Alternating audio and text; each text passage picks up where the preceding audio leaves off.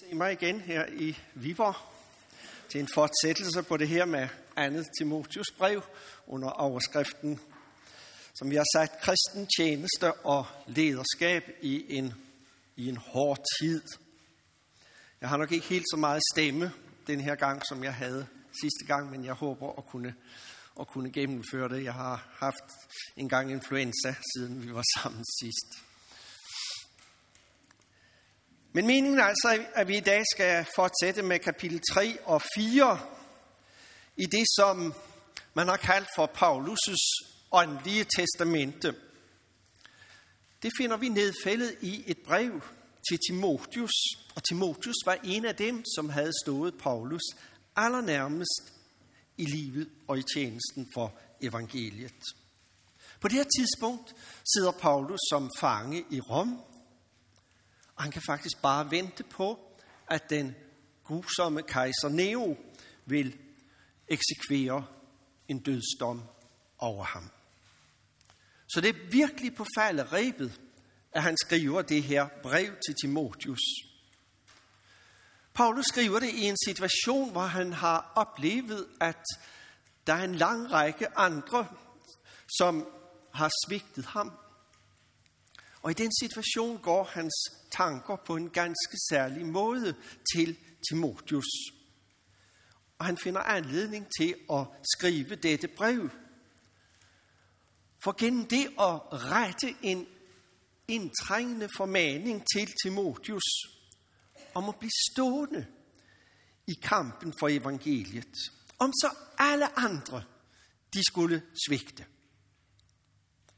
I dag så skal vi blandt andet lytte til den formaning, som Paulus retter til Timotius i kapitel 3, vers 14, hvor han siger, bliv ved det, du har lært.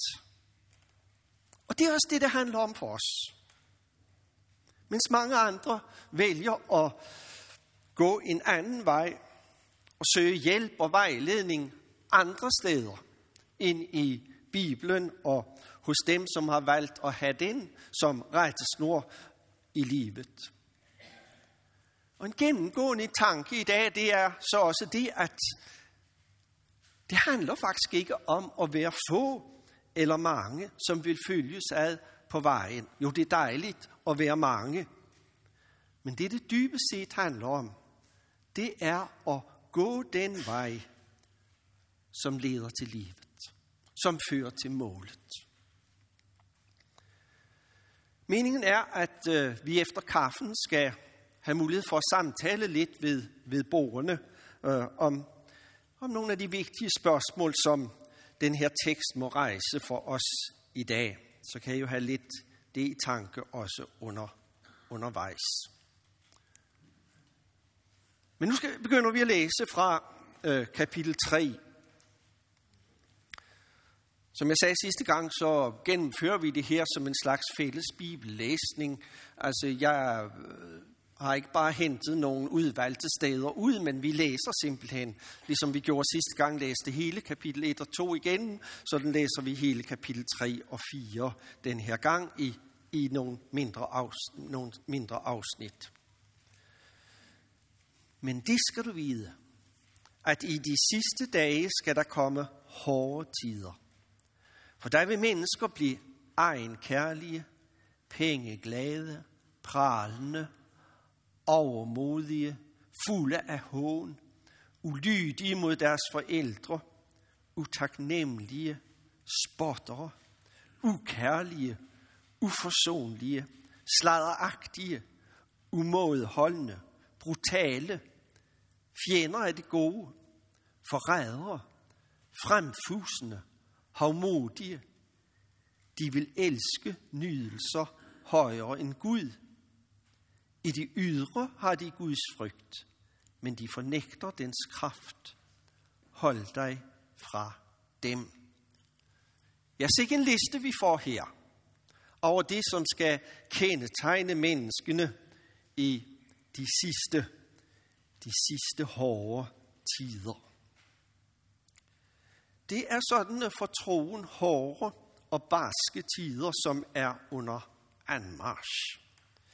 Timotius, som er leder for menigheden i Efesos, Han oplever allerede nu det her som en virkelighed, der hvor han er blevet sat. Paulus må imidlertid gøre ham klart, at det vil gå længere og længere i den retning. Efterhånden som tiden går, og vi rykker nærmere og nærmere til det, som betegnes som de sidste, de sidste dage. Og vi, som lever i dag, vi er rykket endnu nærmere den tid. Og derfor så er der heller ikke noget overraskende i, hvis vi kan genkende meget af det fra vores egen tid, som beskrives her.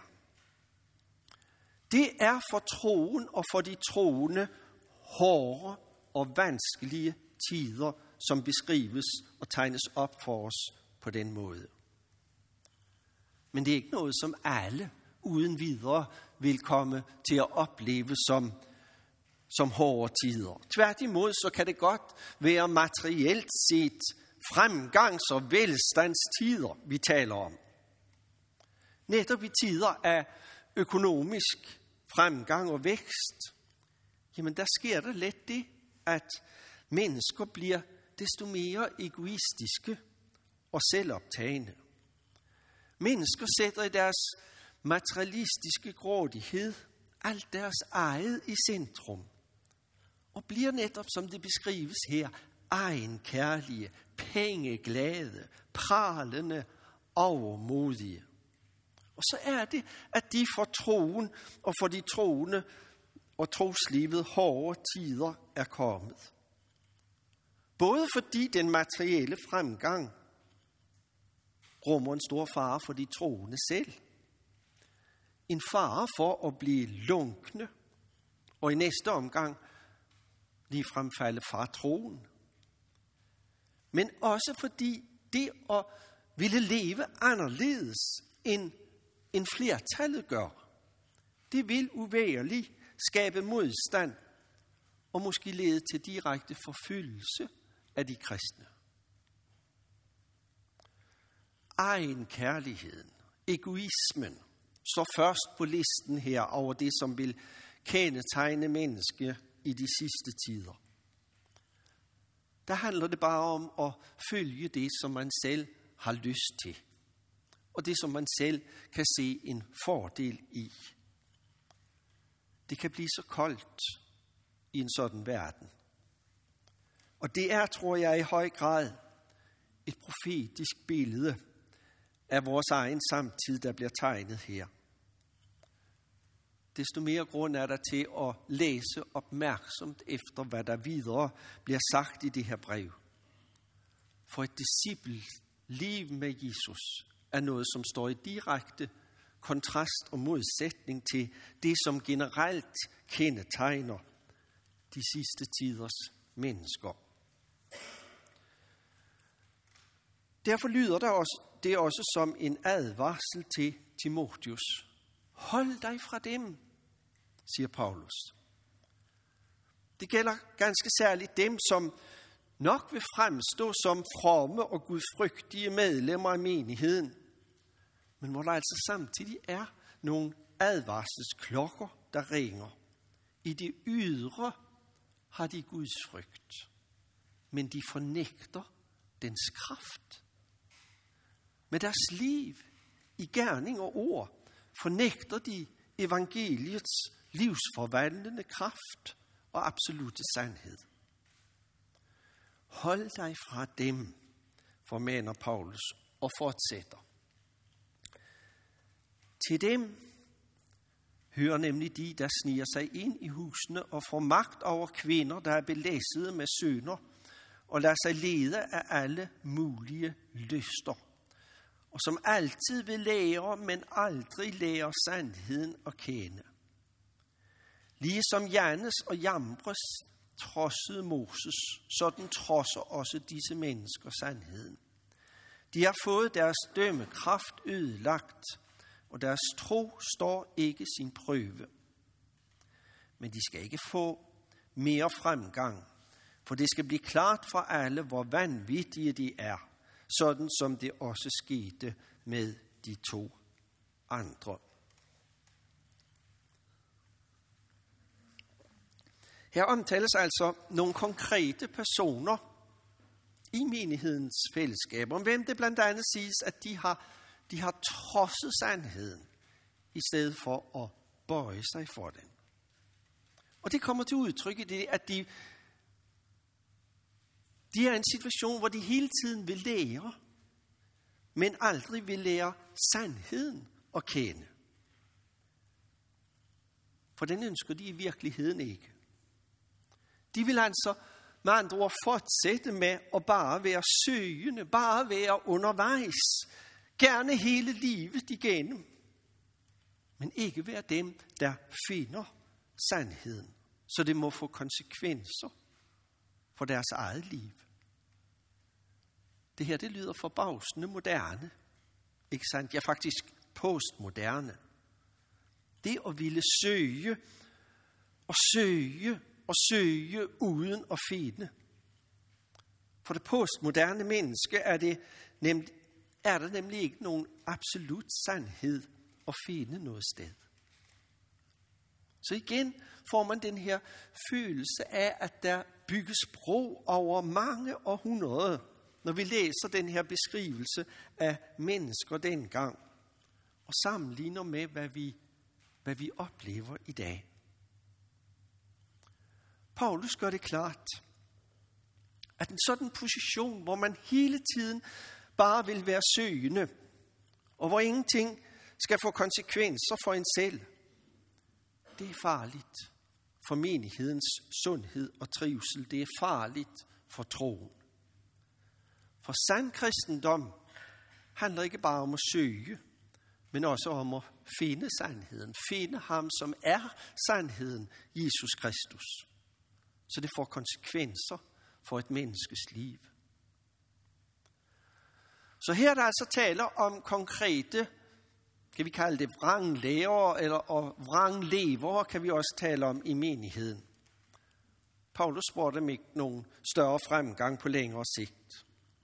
For det, som de står for, det er så langt fra sandheden og virkeligheden, at det meget hurtigt vil afsløre sig selv. Det vil snart blive afsløret, hvor, hvor vanvittigt det hele er.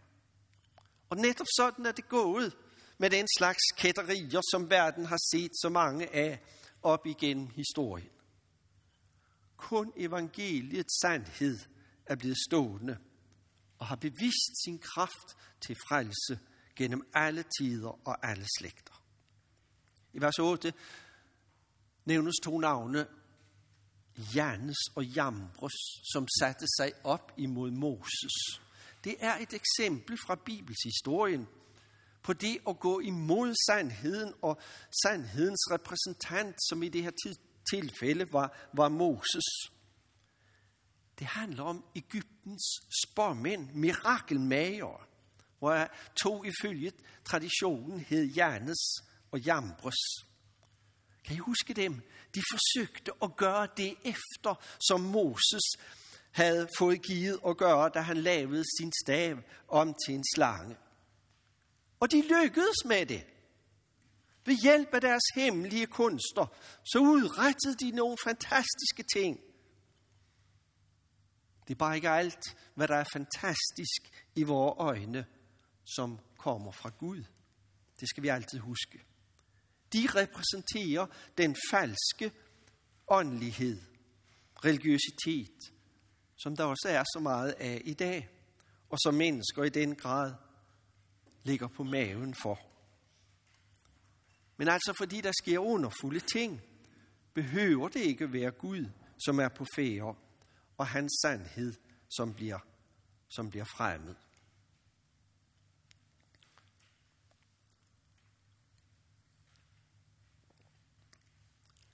Det har altså ikke været spor opløftende for Paulus fra sit fængsel at tænke på de, skal vi kalde det falske brødre, der havde sneget sig ind, og som nu opererede i menigheden i Efesos. For de udgjorde en stor fare for menigheden. Og i sådan en situation, jamen så er det så let at blive at blive slået ud og miste modet. Så har man brug for i stedet for at tænke på noget positivt. Det tror jeg, vi alle sammen kender. Men der er heldigvis også mindst én person, som Paulus skal tænke på. Ja, der er sikkert flere. Men der er i hvert fald én person, som Paulus skal tænke på, og som det er anderledes med. Ja, som det er lige modsat med. Og det er netop Timotius. Paulus menes den i, hvor, hvor med Timotius helt fra første færd fulgte Paulus. Paulus han kan efter skildringen af vranglærerne og deres selviske og ødelæggende fremfærd nu vende sig direkte til Timotius og sige til ham, du derimod. Og det kommer igen nede i vers 14. Men du, og igen i kapitel 4, vers 5. Men du, og alle tre steder er der tale om de samme ord, det samme udtryk i den græske tekst. Syg det. For mig, der er disse udtryk kommet til at stå nærmest som, ja, som tre lysende røde lamper, som lyser mig stærkt i møde, hver gang jeg læser den her tekst. På den ene side som advarselslys, som advarer mod det at bare lade sig føre og drive afsted med strømmen. De siger, du er kaldet til at gå en anden vej, end den, som de fleste går. På den, på den anden side, så lyser de også op og peger på det, der så er vejen for en kristen. Som laksen i vandløbet må gå op imod strømmen, så må vi som kristne våge at gå imod strømmen, imod trenden i samfundet, og i stedet for danne modkultur. Men du, men vi skal vogte os for, at det ikke kun bliver i nogle ydre ting som mødekultur og tøjstil og ydre former, at vi danner modkultur mens vi, når det kommer til stykket, er nøjagtigt lige så materialistiske og jordbundne og nydelsessyge og egoistiske og pralende og ærekære, som alle andre i samfundet er jævnfør listen i begyndelsen af kapitel 3. Den, den store fare for os, tænker jeg, at vi ensidigt får opmærksomheden rettet mod visse ydre ting vi skal afstå fra. Alt imens vi modstandsløst lader os drive og føre med strømmen i hele den nydelsessyge materialistiske ræs, som foregår. I stedet for, så skal vi i evangeliets kraft, ved nåden i Kristus Jesus, hente kraft til at gå mod strømmen og følge den vej, som Jesus gik. Hvad betyder det for os?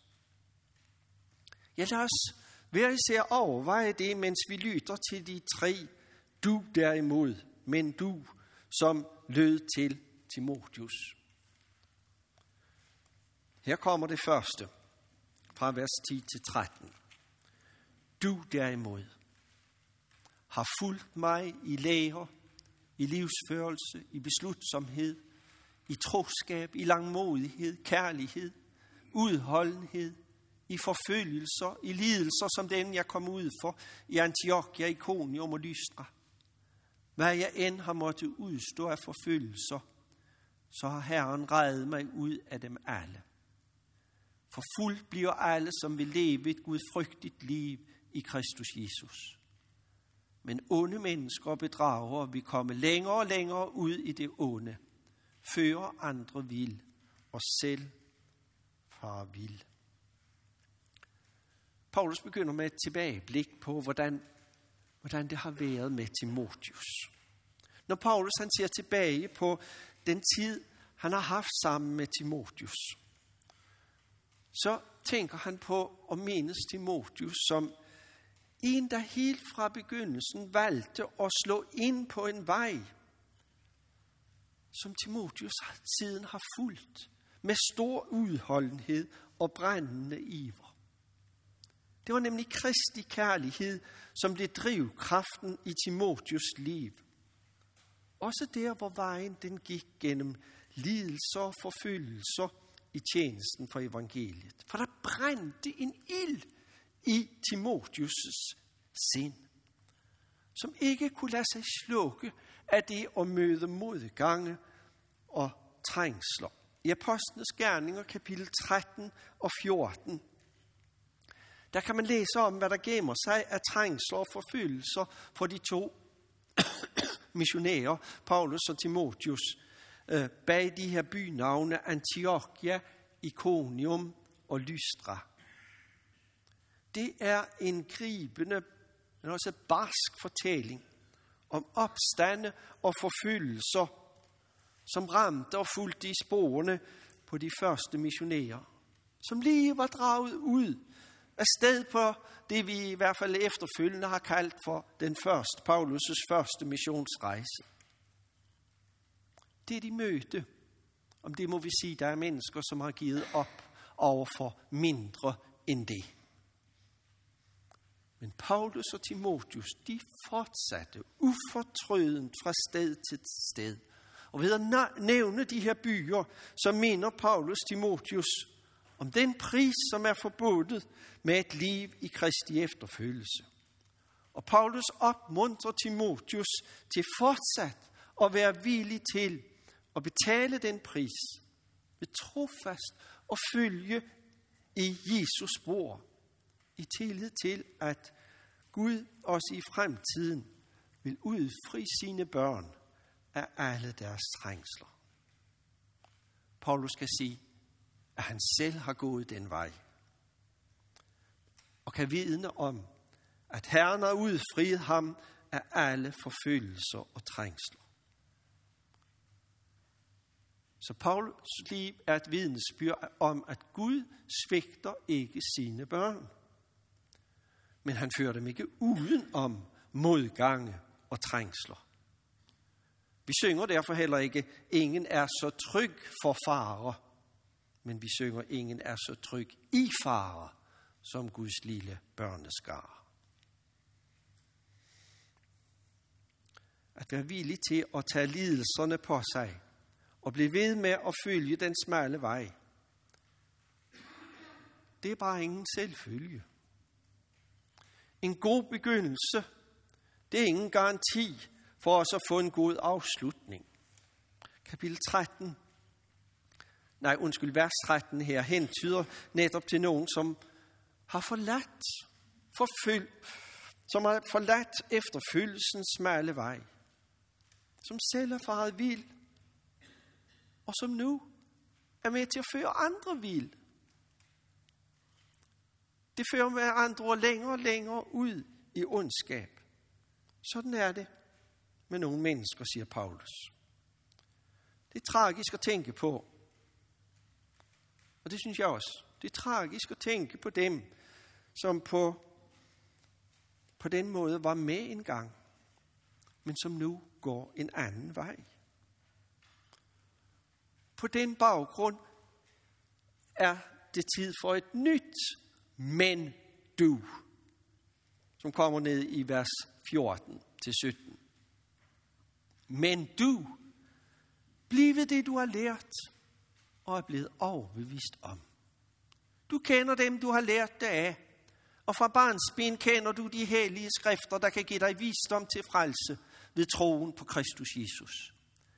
Et hvert skrift er indblæst af Gud og nyttig til undervisning, til bevis, til vejledning og til opdragelse i retfærdighed, så at det menneske, som hører Gud til, kan blive fuldvoksent, udrustet til al god gerning. Der var altså nogen, som havde givet køb på sandheden, og som havde valgt en vej, der ikke var dikteret af troskab mod skrifterne, mod Bibelen, men var kendetegnet af det modsatte. Det er meget langt på vej, også der. Vejene skilles i dag. Om man vil være tro mod Bibelen eller ikke. Hvad er det, man har som sin øverste myndighed og norm i livet? Timotius formanes til at blive det, han fra barns ben af har lært og er blevet overbevist om som sandhed. Af brevets indledning der fremgår det, at Timotius havde både en mor og en mormor, som var gode, troende kvinder. Og jeg tænker mig, at af dem var Timotius blevet taget op på skødet og blevet ført ind i Bibelens verden. Hørt Bibels historie. Så noget, det er jo guld værd. Det er en fantastisk start at få på livet. Så er det vigtigt at gøre sig klart, at en fortsat vækst og fornyelse i kristenlivet kommer ikke af at lære og praktisere nye greb, finde nye veje, men handler om at vende tilbage til og fastholde det ord, som man har hørt og lært gennem skrifterne. Fordi er, står der indblæst af Gud, der står på græsk teopneustos, som betyder, de er Gud indåndede direkte oversat. Og som sådan har de kraften i sig til både at skabe tro og give sund vejledning og skabe vækst i kristenlivet. Så det er der i ordet, at kraften til alt det ligger gemt. Så vi skal ikke behøver at vende os alle mulige andre steder hen. Så Paulus han henviste altså ikke Timotius til øh, nogle personer, som ville kunne hjælpe ham til at gøre nogle nye åndelige opdagelser og erfaringer. Men han viser tilbage til kilden, som er i Guds ord, til de hellige skrifter, og til dem, som kan hjælpe ham øh, dybere ind i dem, til en dybere forståelse af dem. Mennesker, som derfor er værd at agte og have tillid til.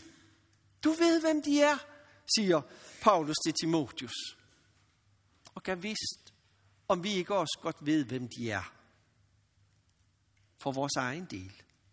Vi ved godt, hvem vi lærte det af.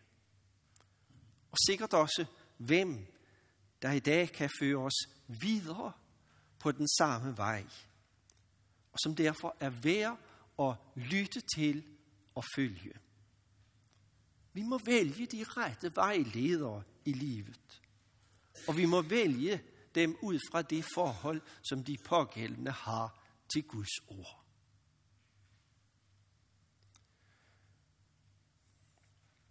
Ordet fra Gud står imidlertid ikke højt i kurs hos det store flertal, hverken dengang eller i dag.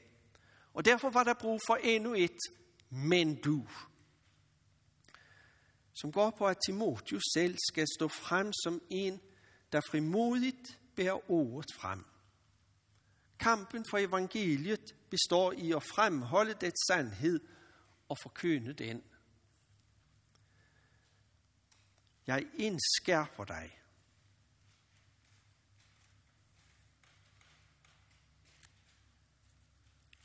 Øp, øp, øp. Jeg indskærper dig for Guds ansigt og for Kristus Jesus, der skal dømme levende og døde, så sandt som han kommer synligt og opretter sit rige. Prædik ordet. Stå frem i tide og utide. Overbevis i rette sæt for man. Tålmodigt og med stadig undervisning. For der vil komme en tid, da folk ikke vil finde sig i den sunde lære, men skaffe sig læger i massevis efter deres eget hoved, fordi det kildrer deres ører. De vil vende det døve øre til sandheden og slå sig på myter. Men du, hold altid hovedet koldt. Bær dine lidelser. Gør din gerning som evangelist og fuldfør din tjeneste. Nu samler Paulus ligesom det hele op i en sidste appel til Timotius om at stå fast og være udholdende i kampen for evangeliet. Han formaner indtrængende Timotius til at være klar til at prædike ordet og på den måde gøre fyldest i den tjeneste som evangelist og forkøner, som han var kaldet til. Og den her formaning giver Paulus Timotius i lyset af to ting. Det første, det er Jesu genkomst med oprettelsen af det synlige Guds rige. I lyset af Jesu komme, så er der så mange ting, som ellers vil, vi ellers vil betragte som, som så store og betydningsfulde, som vil miste noget af sin betydning for os. Mens der er noget andet, som, det bliver, som bliver virkelig vigtigt og magtpålæggende. Den forbandelse, som mange mennesker oplever i livet i dag, skyldes, at der er så lidt. Nu kommer til stykket måske nærmest ingenting, som virkelig har betydning for dem. Men for den, der kender Jesus og forventer hans genkomst, der er det anderledes. Han og hun har fundet nøglen til det, som virkelig betyder noget i livet. Spørgsmålet bliver nemlig, er jeg selv rede til at møde Jesus, når han kommer? Og er mine medmennesker rede til det? Hvis ikke, så er der noget, der skal gøres. Og det skal gøres nu. Det haster faktisk. Det andet, som Paulus formaner Timotius i lyset af, det er menneskers dybe foragt og ulyst til at høre ordet. Man vil hellere lægge ører til løgnen end til sandheden. Oplever vi det, så kan det gøre os dybt frustrerede og modløse. Men det kan altså også gøre noget helt andet ved os. Det kan anspore os selv til at forkynde ordet med desto større iver overalt, hvor der bliver givet os mulighed for det. Og det er det, som Paulus opfordrer til her. Og det bør vi lægge os på scene i dag i en situation, hvor jeg mener, at vi igen og igen får anskueliggjort Paulus' ord her om modstand mod Bibelens sande og sunde læger. At man skaffer sig læger, som bare vil forkyne noget, der smager en selv, en selvliv godt og kildrer ens ører.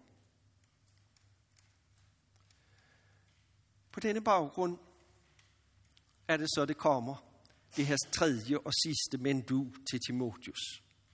Midt i denne her brogede situation, som Timotius oplever, hvor de fleste meget hellere synes at ville lytte til vranglægerne, som optræder i menigheden. For de forkynder noget, som det synes man, man kan forstå sig på, og det kildrer i ens ører. Kildrer i ens ører. Der skal Timotius fuldføre sin vigtige tjeneste som evangelist. Men du, hold altid hovedet koldt Bær dine lidelser, gør din gerning som evangelist og fuldfør din tjeneste.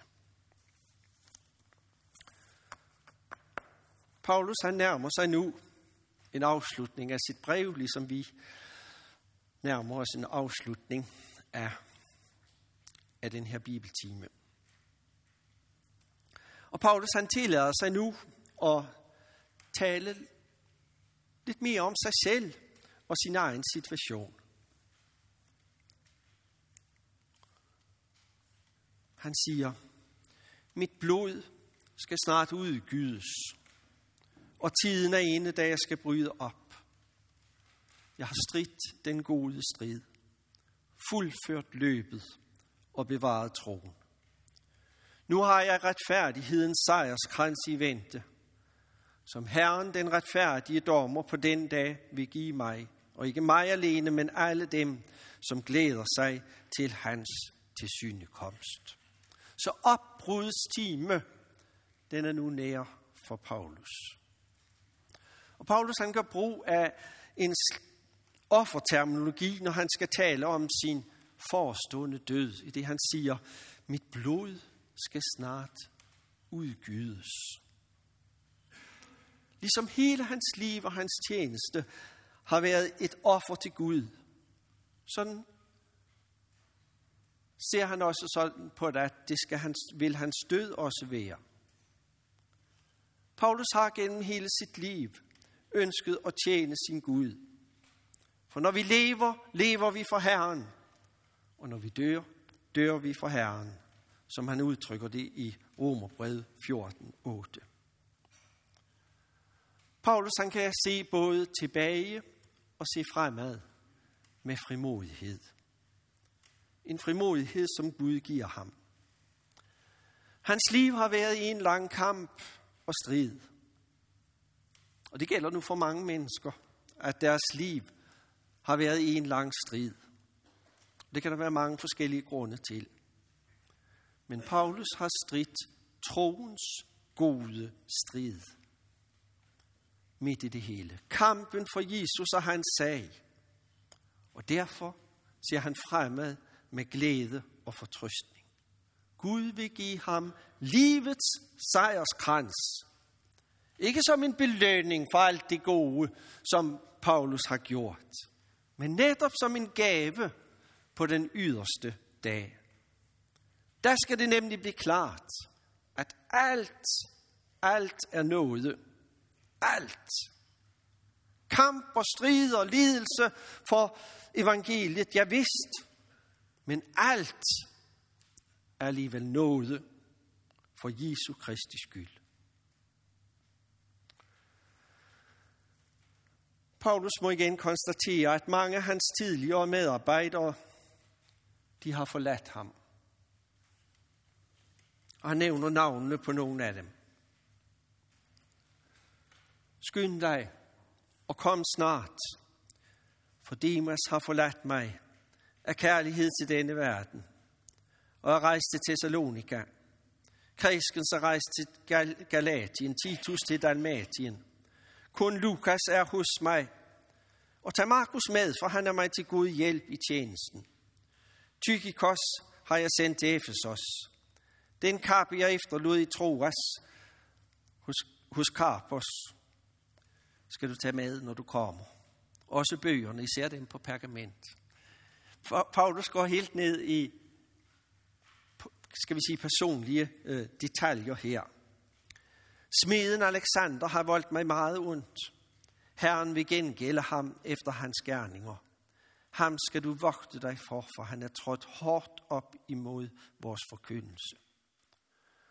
Under mit første forsvar kom ingen mig til hjælp. Alle svigtet mig. Giv det ikke må blive tilregnet dem. Men Herren stod mig bi og gav mig kraft til at fuldføre min forkyndelse af budskabet, så at alle folkeslagene kan få den at høre, og jeg blev udfriet af løvens skab.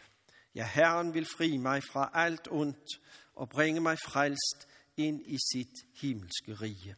Ham være ære i evighedernes evigheder. Amen. Så igen må Paulus konstatere, at, at der er mange mennesker, der har, der har svigtet ham.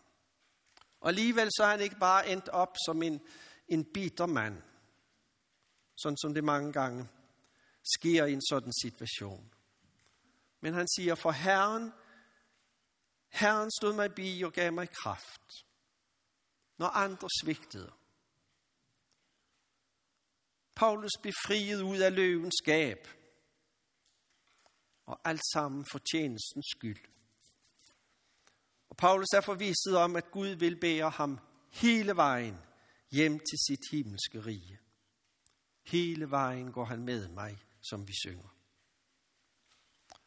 Og så er det til sidst tid til hilsen og gode ønsker, sådan som vi også vil, ofte vil afslutte et, et brev. I den udstrækning, vi det hele taget skriver breve længere. Men det er en anden sag.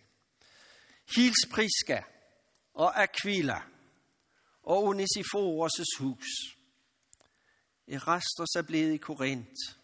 Trofimos har jeg måttet efterlade syg i Milet. Skynd dig at komme før vinteren. Hilsen fra Eubulos, Pudens, Linus, Claudia og alle brødrene. Herren være med din ånd. Nåden være med jer. Paulus slutter brevet med nogle personlige hilsner. Med ønsket om Guds nåde og hjælp for dage, der kommer. Herren vær med din ånd. Nåde være med jer.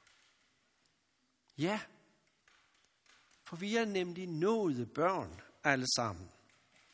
Henvis til at leve af Guds nåde i dag og i alle dage, som kommer. Noget, som betyder gratis godhed mod dem, som ikke selv har fortjent det, men en gave. Tidligere så lød det til Timotius kapitel 2, vers 1. Og du, mit barn, vær stærk ved nåden i Kristus Jesus. Og det er uden tvivl den allervigtigste formaning, Paulus' vigtigste budskab til Timotius og til os i det her brev. Det er fra forkyndelsen af evangeliet om den uforskyldte nåde i Kristus Jesus. Det er derfra, vi skal hente vores styrke til livet som kristen. Det går ikke bare på eget beskub. Vi må ind til kilden. Og det er den samme nåde, som skal bære os, også det sidste stykke vej over grænsen ind til Guds evige rige. Lad os bede. Ja, var kære Gud og far i himlen. Vi takker dig for, at vi får lov til at være nåde børn hos dig. Leve af din nåde hver eneste dag. Vi takker dig for, at vores liv ikke afhænger af, hvad vi selv formår at præstere. Men vi beder også om, at din nåde og kærlighed i vores liv må blive en drivkraft til at stå i tjenesten for evangeliet. Også ind i den tid, som er vores, og som vi oplever netop nu. Herre, giv du os, at vi må stå fast ved dit ord og ved troen på dig under alle forhold. Og at vi på den måde må blive bevaret til vores sidste stund. Amen.